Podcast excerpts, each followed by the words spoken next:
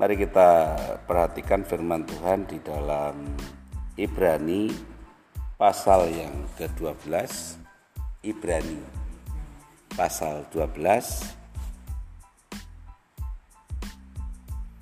ayat yang ke-14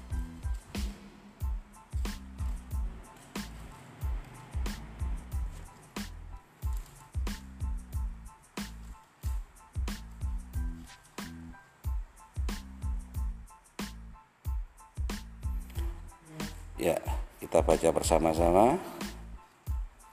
Ibrani 12 ayat yang ke-14. Demikian bacaan firman Tuhan. Berusahalah hidup damai dengan semua orang dan kejarlah kekudusan. Sebab tanpa kekudusan tidak seorang pun akan melihat Tuhan. Kalau saya baca di terjemahan lain, berusahalah untuk hidup rukun dengan semua orang Berusahalah juga untuk hidup suci khusus untuk Tuhan sebab tidak seorang pun dapat melihat Tuhan kalau ia tidak hidup seperti itu. Yang lainnya mengatakan jauhilah segala pertengkaran dan berusahalah menjalani hidup yang bersih dan suci sebab orang yang tidak suci tidak akan melihat Tuhan. Jadi ini satu uh, apa namanya ajakan ada pembanding ya. Jadi jauhilah segala pertengkaran berusaha menjalani hidup yang bersih dan suci sebab orang yang tidak suci. Kita kalau lihat ini terjemahan apa namanya dari firman Allah yang itu. Tapi kalau dari terjemahan baru mengatakan berusaha hidup damai dengan semua orang dan kejarlah kekudusan. Nah, coba kita pikirkan kejarlah kekudusan. Menurut kita mengejar kekudusan itu seperti apa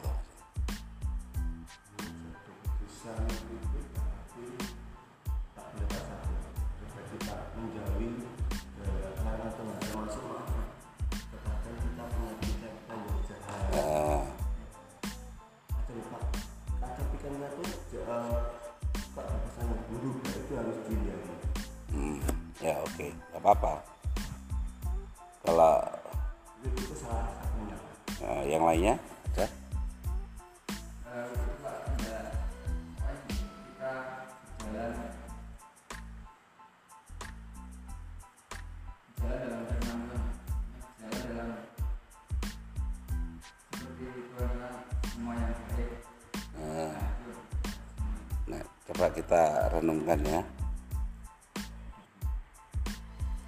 Kalau kita baca ayat ini, maka kita tidak bisa melihatnya secara luas.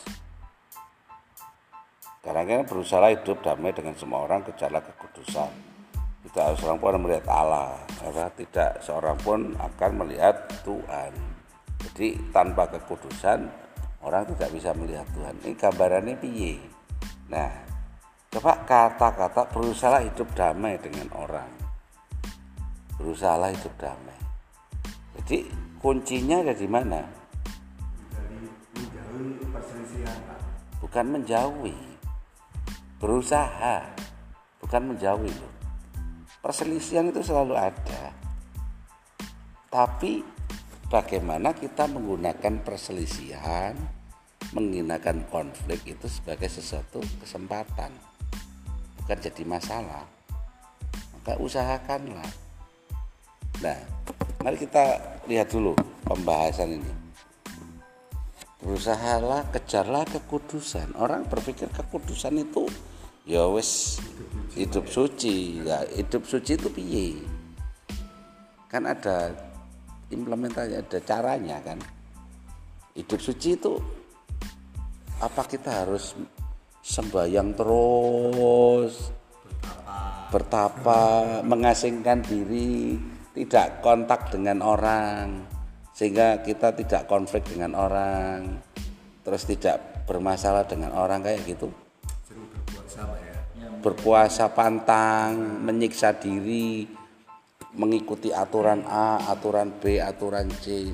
Sembayangnya kenceng nggak pernah padu karo uang tersuci gitu Nggih, Pak.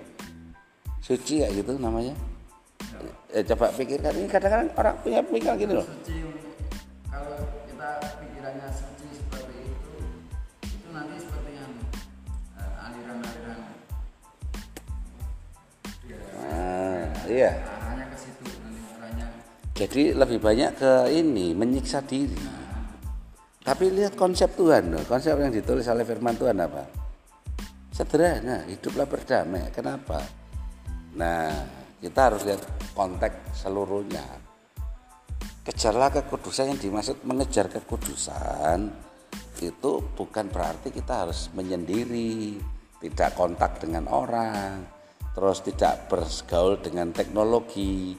Yang dalam arti wah nanti nih anu pikiranku cabul kotor pikiranku anu tidak bisa tetap tidak bisa makanya Martin Luther pernah ngomong e, engkau bisa mengizinkan burung terbang di kepala di atas kepalamu. Engkau bisa mengizinkan tetapi engkau harus melarang kalau dia bersarang di kepalamu. Maksud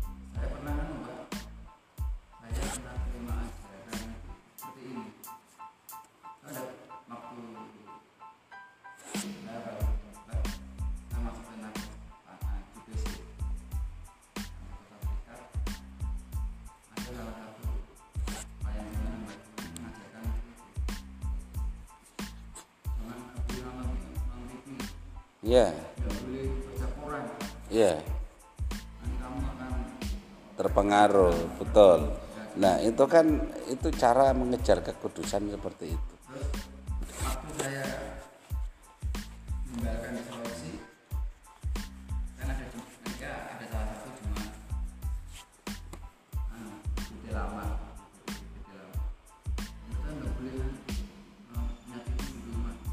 ya itu kan menyiksa diri.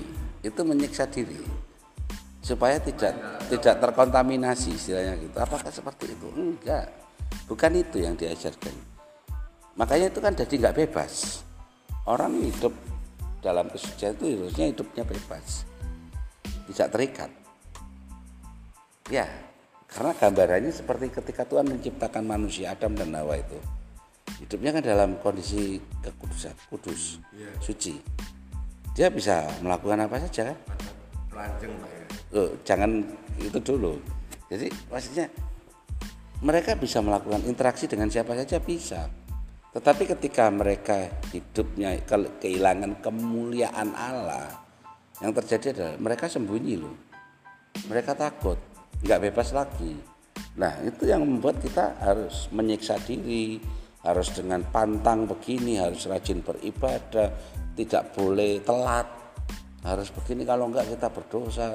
Jadi penuh dengan yang namanya kayak ganjaran gitu waduh waduh enggak boleh waduh. Makanya saya harus lempeng-lempeng ini. Makannya tidak boleh makan ini tidak boleh ini harus ini. Wah itu menyiksa diri. Nah tapi apa yang diajarkan oleh firman Tuhan? Itu jadi kita berbicara, berbicara tentang eh, kejarlah kekudusan nah coba lihat konteks yang pertama. Di pasal 12 tetap ayat yang pertama. Pak dengar perhatikan. Ya baca. Sebab itu kuatkanlah tangan yang lemah. loh ayat yang satu. Ayat satu. Heeh.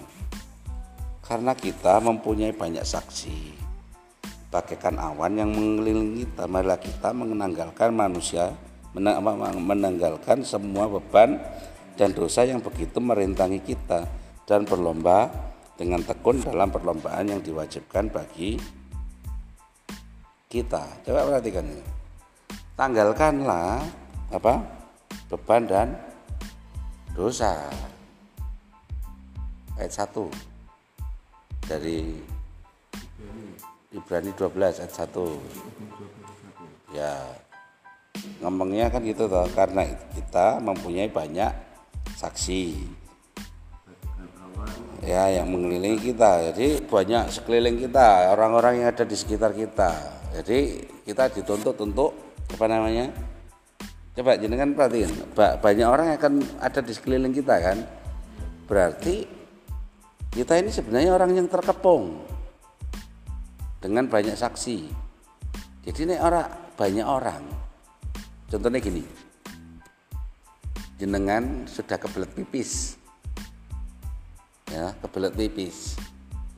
Biasanya nek wong lanang kan nek pipis sak enake dhewe gitu. Ana wit ya wit ana mburine kamar WC ya apa di WC nek gak ya ning tembok atau piye kan. Nah coba perhatikan kalau itu daerah penuh CCTV apa yang jenengan lakukan? Itu daerah CCTV itu loh apa tetap pipis di situ ngantri pak Loh, loh, harus coba ini loh, bukan masalah ngantri nih. Anda kebelet pipis, namanya orang laki-laki, kita bisa aja melakukan seenaknya kan. Iya kan, makanya kita lihat tuh CCTV ini dindi. Apa tetap nekat kayak gitu? Berarti kan kita goblok banget gitu loh. Kelihatan bodoh banget dong ada CCTV kok. Gini, orang akan ketawa, lah gak ada izin, gak ada izin. Ya itu maksudnya gitu loh. Jadi sebenarnya eh, gini, Kenapa dikatakan tanggalkanlah beban dan dosa? Jadi sebenarnya kita itu adalah orang yang sudah ditebus. Nah, itu harus dipegang dulu. Kita ini orang yang sudah dikuduskan di dalam apa?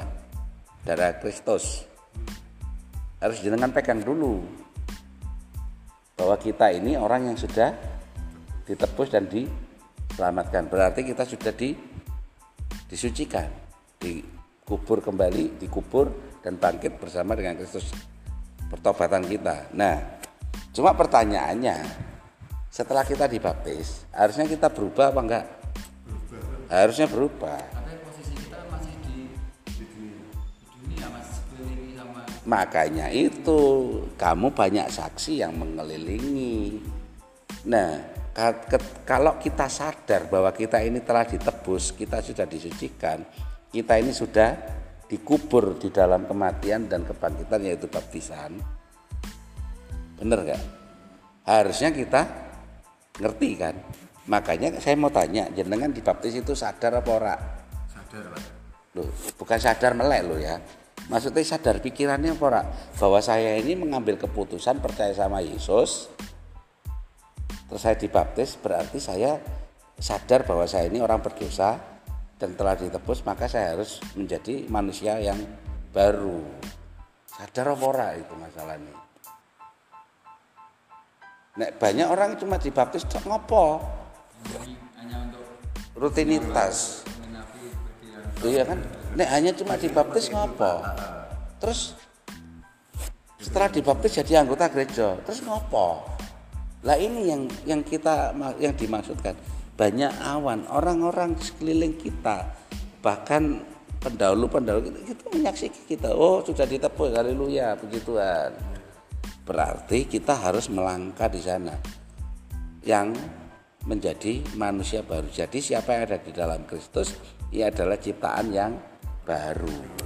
Yang selama sudah berlalu berarti apa artinya? Kita sudah manusia baru, manusia yang disucikan kembali.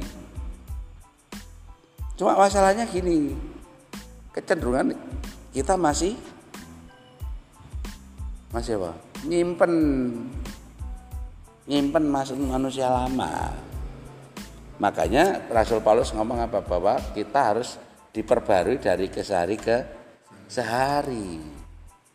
Jadi kalau kita diperbarui dari kesehari ke dari hari ke sehari, berarti harus terus menerus. Hidup kita harus diperbarui. Diperbarui dengan apa? Nah itu makanya tanggalkanlah, maka kita menanggalkan beban. Jadi selama ini jadi beban kita itu apa? Beban itu bukan berarti be- beban masa lalu, bukan loh. Artinya yang sering gandoli jenengan iki sampai bolak-balik nyemplung ning perkara lama iki apa? Pak? ya kan? Contoh nesuan. Nesuan perlu dirubah, bisa dirubah enggak? bisa pak Bisa sebenarnya pengendalian diri buah roh. Eh, Jadi buah roh adalah kasih, sukacita, kemurahan, kesabaran, ya kelemah lembutan, penguasaan diri dan seterusnya kan. Bisa sebenarnya. Jadi siapa yang dalam Kristus, ia ciptaan baru. Sesungguhnya yang baru sudah datang, yang yang yang lama sudah sudah nggak nggak nggak ada lagi, sudah nggak penting lagi. Tapi kan ya namanya manusia pak. Ya betul. Kita selalu meng, meng- apa namanya memaklumkan. Mau namanya manusia yang masih boleh berbuat dosa betul. Tetapi ini loh Pak tetapi tetapi ya kalau kita ngerti menanggalkan gitu. Jadi tanggalkan beban. Sebenarnya sing nyeleh iki sapa? Nek kata menanggalkan itu. Kita sendiri pak. Ini Pak? Kita yang menyambut. Berarti berarti iso kan? Lepas loh ngel- nanggalkan iki nyepet kelambi anak saya itu nek dikongkon atus ke kelambi uang ra karuan. Karena apa? Dia nggak mau mandi. Makanya nek di diangkat kelambi ini koyo tangannya sih mekengkeng. Kita kecil kayak yang berat lah karena gak enak pak. Gak enak. Masalah gini loh maksudnya tidak enak itu wah kebiasaan yang lama itu biasanya ternyata lu lebih berat. Kebiasaan yang lama itu ternyata lebih besar untuk dilepasin. Contoh udut. Udut iki orang bilang alah ngono apa dosa toh? Ya ndak dosa itu urusanmu. Cuma yang jadi masalah itu itu kan kebiasaan lama yang akan merusak dirimu. Ya kan? Ngerasani wong. Ngerasani wong iki sepele itu. Tapi nek jadi pola hidup nek gak mbok tanggalke gak mbok seleke wah itu akan jadi masalah dengan akhirnya orang kan makanya kan hiduplah berusaha hidup damai. Lu ora iso. Lah coba gini. Ini nih maaf ya masalah udut bagi kita oke lah nggak masalah. Tapi ketika kita udut ngarepe wong orang terganggu. Orang yang batin wong gak di perasaan. Ana wong tengok-tengok ya kepal kebul wae. Terus apa eh abune macam motor gak ketika orang tidak sejahtera dengan kita itu jadi masalah. Lo nek anu ya dewek ah, gitu toh. Tapi ketika kita tidak bisa berusaha damai dengan orang ya iso.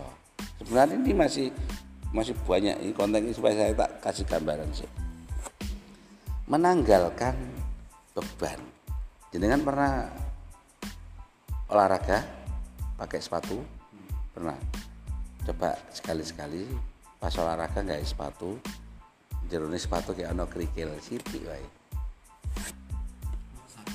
Mosok to enak lo cilik lo?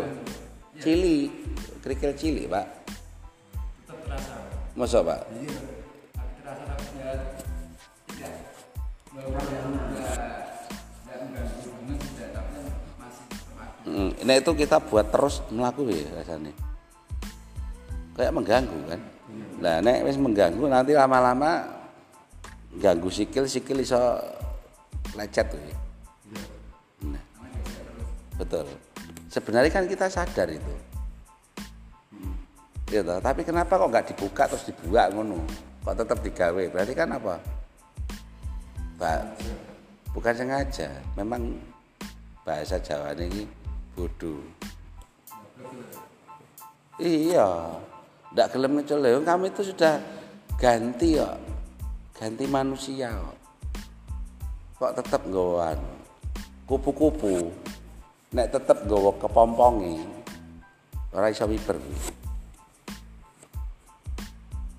ora iso wiber makanya kudu dibuang berkas-berkas makanya perubahan itu disebut metanoia dicolke.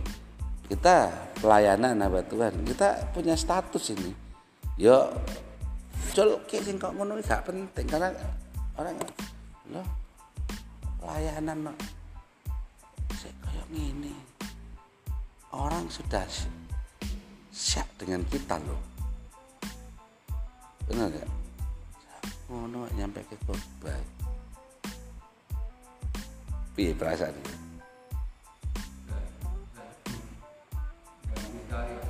Loh ya makanya ting tanggalkan. Tanggalkan. Nu nanggal kiki secara pemikiran kita nek ketemu alah ngono tok gak digelem kecolke. Angel menak karuan. Kita masih seka apa ber, bergulat dengan kayak ngono-ngono kuwi. makanya tanggalkan culke nah cara menanggalkannya bagaimana ayat kedua marilah kita mata yang tertuju kepada Yesus iya kepada iman yang sempurna mata yang terus tertuju kepada Yesus jadi jenengan harus mandang kepada siapa Yesus sebagai pusat pusat iman kita. Yesus sebagai pusat pengajaran kita. Yesus sebagai contoh teladan hidup. Wih, oh aku wis nanggalkan beban, berarti aku kudu ngerti contoh nih. Aku ngerti gambaran nih, wong suci ki piye? Coba dengan pelajari pribadi Yesus bagaimana ketika dia menghadapi yang namanya hidup. Dia nggak pernah loh apa namanya berkonflik dengan banyak orang loh. Dia selalu diterjemahkan dengan salah tapi tidak pernah menganggap loh. Ya coba Yesus berkonflik dengan siapa? Ahli Taurat apakah dia berkonflik? Enggak orang ahli Taurat saja yang punya hati. Tapi Yesus nggak pernah mempedulikan itu. Jangan dikira Yesus terus gontok-gontokan, oh awas kowe ya percaya karo aku. Dia enggak dia enggak berkonflik, dia sedang meluruskan. Nah yang diluruskan itu loro hati. Bener Eh coba pikirkan ini. Ya Pak mulai kan ora enak iki. Makanya mata yang tertuju kepada Yesus. Mandengo pikirkan lihat itu Yesus Yesus sebagai contoh Yesus sebagai teladan Yesus sebagai patrone ikutono itu. Melu ojo melu karepmu dewi ojo melu caramu. Nggak ketemu. Percaya nggak ketemu itu. Ketika kita melihat cara kita sendiri nggak ketemu. Nah, jenengan pernah ini enggak apa namanya? Uh, ngajak anak kecil ke mall gitu? Pernah pak? Atau ke dokteran? Saya kalau ngajak anak saya ke dokteran itu, yang diperhatikan itu bukan saya loh, karena itu kan ruami banget. Dia itu mesti delereng. Nek saya yang megang masih aman, tapi ketika dia megang tangan saya, marah-marah anakku hilang Ngapa bisa hilang? Karena dia fokusnya bukan ke saya. Yang difokus adalah yang lainnya. Nah, ketika kita tidak fokus kepada pribadi yang kita tuju, yang perjalanan hidup kita kepada yang kita tuju yaitu Kristus, kita ndelenger ke ke dunia, lihat ke yang lainnya, contoh-contoh wong sugih kok gini, kudu mlakune ngene. Ya wis, menceng-menceng Nah ujung-ujungnya apa? Gak bisa kita katakan, oh lah angel ya kesucian itu. Yesus kalau Yesus coba berarti? Yesus itu mengajar mengajarkan kepada kita kesucian apakah dia meninggalkan pergaulan ketemu orang berdosa? Enggak didatangi enggak Yesus enggak mengasingkan diri. Ketemu pelacur ya kan? Ketemu pemungut cukai ketemu orang-orang brengsek-brengsek ketemu. Apakah Yesus terpengaruh Yesus terpengaruh? Enggak. Yesus enggak terpengaruh. Ditempatkan di tempat yang paling buruk pun kalau kita ngerti nggak bakalan tercampur. Bahkan apa? Malah mempengaruhi harusnya.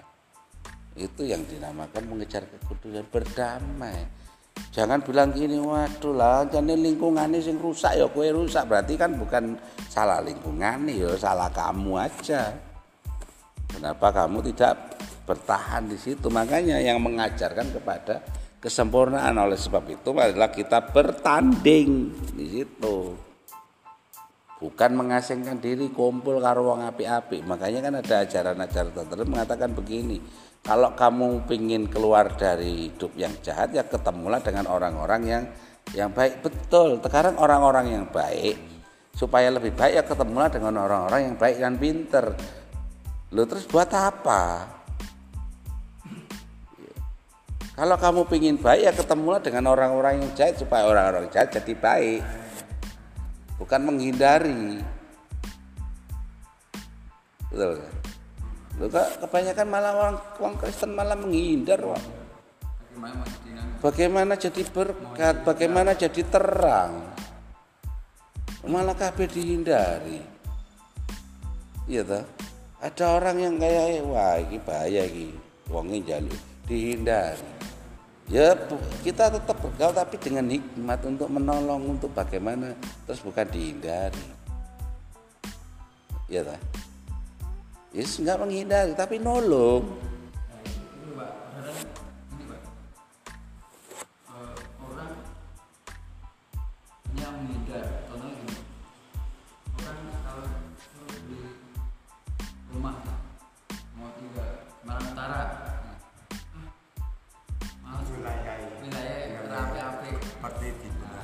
Ya. Loh, ya kalau itu kan pilihan. Maksudnya pilihan karena ya ada alasan tertentu. Mungkin karena mungkin karena satu lingkungan ndak apa itu apa. Karena dia berpikir gini loh, aku kerja ning gini, aku kudu nonton prestis. Itu nggak bisa dibuat contoh. Maksudnya nggak bisa digambar Orang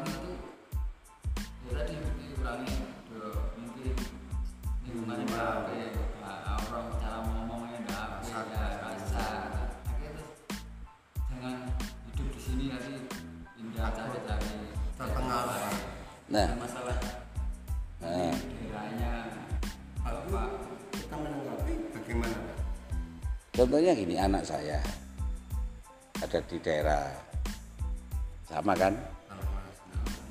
Tanah mas. Menurut orang katanya baik-baik kan? Iya sih. Menurut orang kan? Tapi ketika di rumah kok ngomong kowe iki piye to? Teke to? Lho kok aku ngene lho kowe kumpul ning baru tigong ora tau ngomong kayak ngono lho tapi kok ning kene jarene anake wong genah-genah malah ra genah lho. Tak tanya kamu dapat kata-kata itu dari mana? Tolong dijawab. Diem ternyata di dalam teman bermainnya itu ngomongin ngono kabeh mbahmu kuwi uteke. Loh saya baru oh jadi tidak bisa disimpulkan. Begitu. Dia kumain dengan teman-temannya di daerah Baru Tikung biasa-biasa saja. Nggak ada kata-kata kayak gitu. Karena dia ngerti temennya sudah tahu temennya.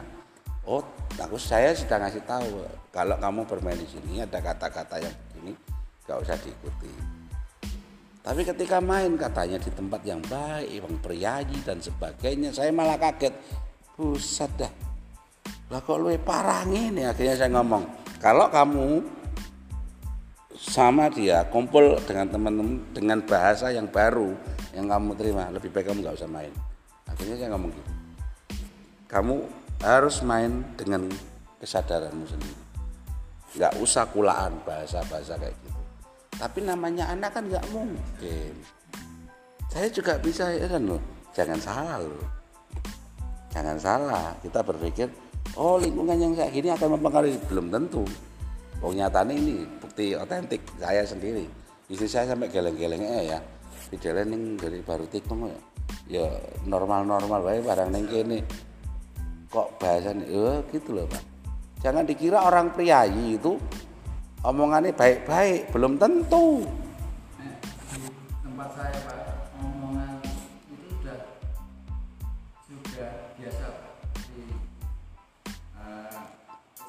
celeng lah bajingan lah apalah gitu toh. Itu biasa tapi kalau kita sudah ngerti kan akhirnya nggak nggak ngomong. Justru kalau kita oh, oh wongnya apik ngomong ngono berarti aku niru. Biasanya kayak gitu malah. pendeta ini ngomongin kasar kok ngono? Berarti gak apa-apa. Karena contoh nih gitu loh. Kalau dia di sana saya sudah baik kok. Saya tahu ada di lingkungannya gini maka saya tetap harus jaga diri saya kok nah kalau gini contohnya priayi priayi ngomongannya kok ngono oh berarti oleh. Itu loh makanya gini orang ada di gereja mestinya ngomongnya baik. Cara hidupnya baik. Tapi jenengan kalau lihat di gereja kok sini kok ngono tok? Ya kan? Tapi ketika jenengan di lingkungan yang amburadul ya anda maklumi kenapa? Sudah biasa. Karena mereka melihat gereja itu harusnya tempat yang baik. Tapi kenapa kok jadi keberi ya kan makanya Yesus ngasih contoh. Di tempat yang baik dia tetap baik. Di tempat yang buruk pun tetap baik gitu loh. Dia tidak berubah. Nah, itu sudah tahu Pak ya. hmm? Sudah tahu. karena itulah keputusan menanggalkan tadi itu. Kesadaran. Ngerti. Nggak nggak ma- nggak apa namanya? Nggak pilih-pilih nggak. Lem- orang yang bisa memikirkan iki omongan nggak bener itu bukan karena dia ngerti pak. Sadar. Oleh karena itu bertanding lah. Wong bertanding itu kan berarti punya strategi. Dia punya ketetapan punya cara. Nah, itu yang sering kali itu dilupakan. Makanya kalau kita ber oh kekudusan yang diajarkan ini ya tanggalkan yang lama. Pandang Yesus. Nah terus apa lagi? Ayat 15 suwi mbak kok ada seorang pun yang menjauhkan diri dari kasih karunia Allah.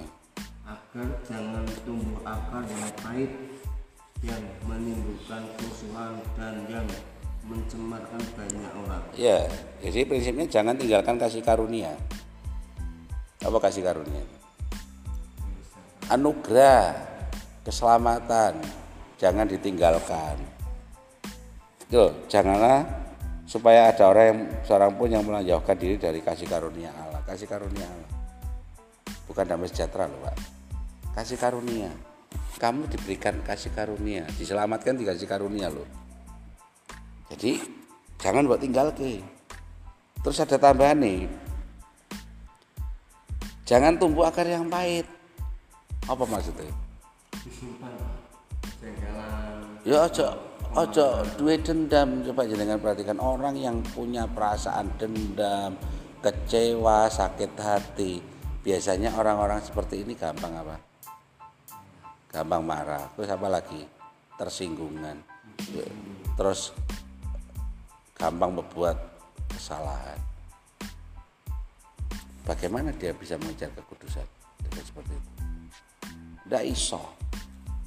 Betul orang iso makanya kita harus berani ngampuni.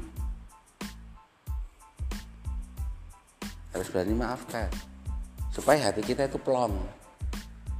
Jadi kan bisa bedakan enggak orang yang ini bersih karo sama orang yang ini masih nyimpen. Bisa beda kita Iya Pak, kalau kita itu suasana hati itu sangat gembira Pak. apa ya Ini cara-cara cara bicaranya Pak, apa yang sederhana pak. Orang umpama jenengan sama saya nih.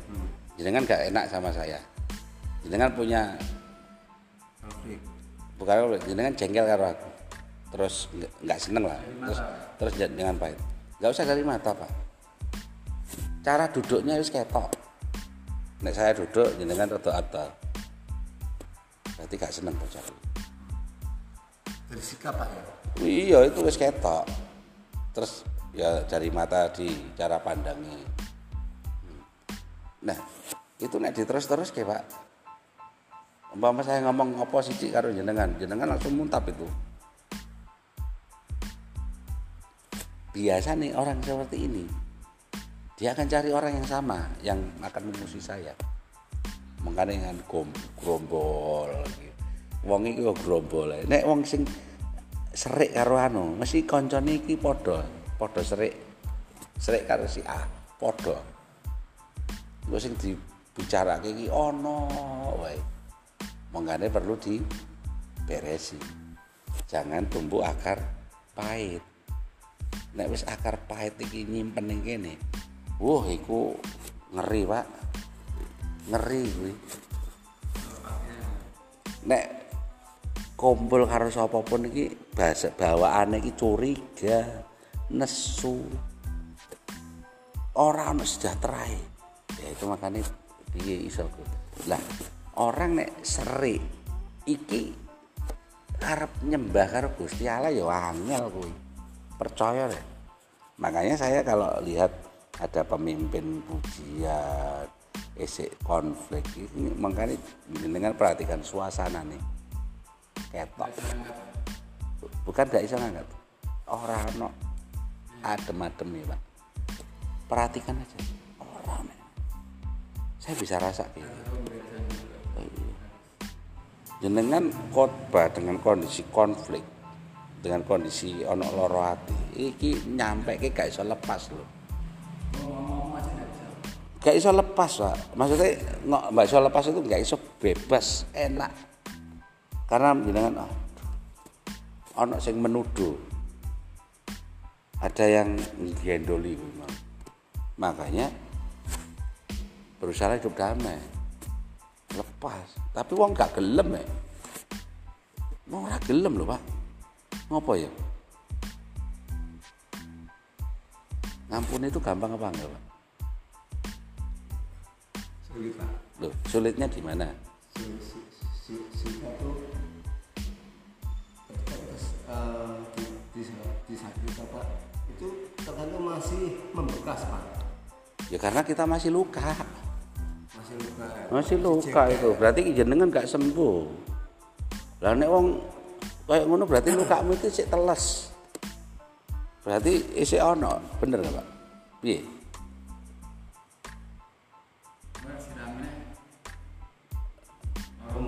Iya, itu pasti. Makanya harus sembuh. Nah, caranya piye? Kelihatan ini. Gini. Anak wong ngomong ini kok mesti tersinggung ini apa? Orang sembuh. Belum sembuh. Makanya harus berdamai dengan diri sendiri dulu. Kita harus berdamai dengan diri sendiri. Apa berdamai dengan sendiri? Ya ngerti aku, sopo aku, memahami ya wis lah. Wong kok ngono ya wis lah. Ya memang kita perlu berlatih, tapi untuk bisa seperti itu kuncinya sederhana. Anda harus bisa ngelepasin. Harus bisa maafin. Harus bisa ngampuni. Lah carane piye, Pak, ngampuni? Ya wis lepasin. Selesai. Makanya tanggalkan. Tapi kan wong angel isik gondeli nek gondeli ngaboti ya contoh ini bahasa sing kotor yang pernah tak khotbahkan di sini. Jenengan pernah mau BAB lah. Hampir tiap hari BAB lah. Hampir ya ya. Tadi pagi BAB apa ora? Ada mudeng ya BAB ya coba ketika kita BAB itu barang resik apa barang rusuh? Baru kotor. Barang kotor kan? Nah berarti kudu di dibuang. Nah terus kalau kita sudah buang bukan bersih rasanya apa? Plong. Kita melaku melaku ya enak. Kita aktivitas ya enak. Tapi coba coba. Sekarang pertanyaan saya kita mau BAB nih terus kita tahan. Ya bukan cuma loro melilit. Nah itu kalau kita tahan sampai seminggu bisa jebol itu usus besar kita bukan usus besar seluruh organ yang ada di pencernaan kita itu bisa rusak keracunan itu. Nah ini keracunan akibatnya apa? Ya bukan organ tubuhnya jenengan mlebu rumah sakit dadal kuwi. Nek sudah masuk rumah sakit terus ngapain? Diedel-edel. Harusnya jenengan nggak usah diedel-edel tadi. Diedel-edel gara-gara apa? Gak gelem buak. Bener nggak? Loro ati koyo ngono kuwi Pak jenengan nek gak gelem ngeculke gak gelem nglepaske jenengan tahan terus menerus. Iki nek semakin kemeropok mempengaruhi hidup jenengan. Akhirnya jenengan hidupnya kan dia deledel kan rono ini yang harusnya tidak membunuh orang jadi membunuh orang. Yang harusnya tidak menampar orang jadi menampar orang. Akibatnya apa? Gak karu-karuan. Nah, cuma ngelepasin kok wae kan. Betul nggak? Betul nggak? Cuma ngecul kayak tinggal plung tinggal. Baru Orang usah dieling-eling meneh apa tak pertanyaan saya, apakah jenengan waktu BAP buang ning ning kloset terus mbok eling-eling? Ora toh. Tapi kok kemang apa orang kesenengan eling-eling. Waduh, eman-eman rek mau metune mas apa-apa kan gak mungkin toh. Ora mungkin, ora mungkin. Betul gak? Tapi kok angel? Karena apa? Keputusan. Gelem apa ora itu cuma keputusan kok jawabannya. Gitu, Pak. Makanya kita nek jenengan iso ngecul ya enteng sebenarnya. Ono wong ngomong, "Wah, saya gak peduli." Ora peduli, ngomong dileceki, dibully ora bakalan peduli. Kenapa? Wis sembuh. Jenengan ketika BAB blung mangan apa meneh mlebu. Coba jenengan mbok tahan arep mangan. Mangane sak enak-enake ning ngarepe kita ora bakalan mlebu. Ya padha karo kuwi, Pak. Iya toh? Arep mlebu ah, angel. Jenengan ngombe sing pahit pun wani kok. Coba nek wetenge kita lagi ya mulai masih lapar gitu, Pak. Karena ini sudah penuh. Wis ngono wis bar wis jam 6. Seru loh. Sebenarnya itu lagi. Piye Pak Medi, bener nggak? Menurut jenengan ada masalah tak ini? Iya, Pak. Buang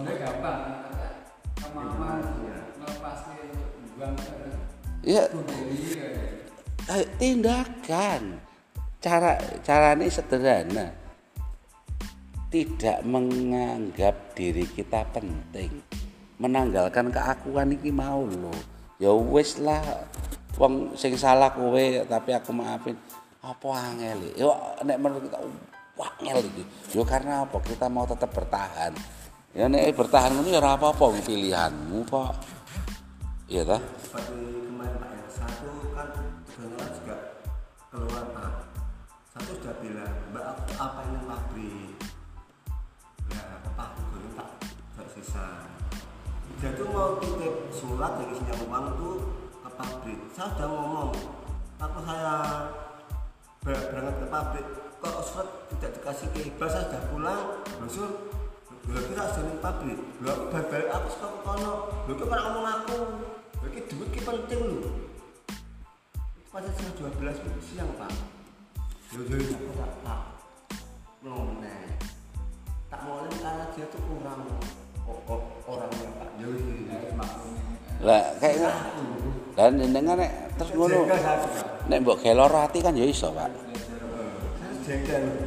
Mbak, aku wis ngomong. Aku wis ki beberapa ngerti nek aku ki pengen pabrik ngeteke tak jaluk ki ora ngo- ora Ora dong. Nah, kayak ngono-ngono ku.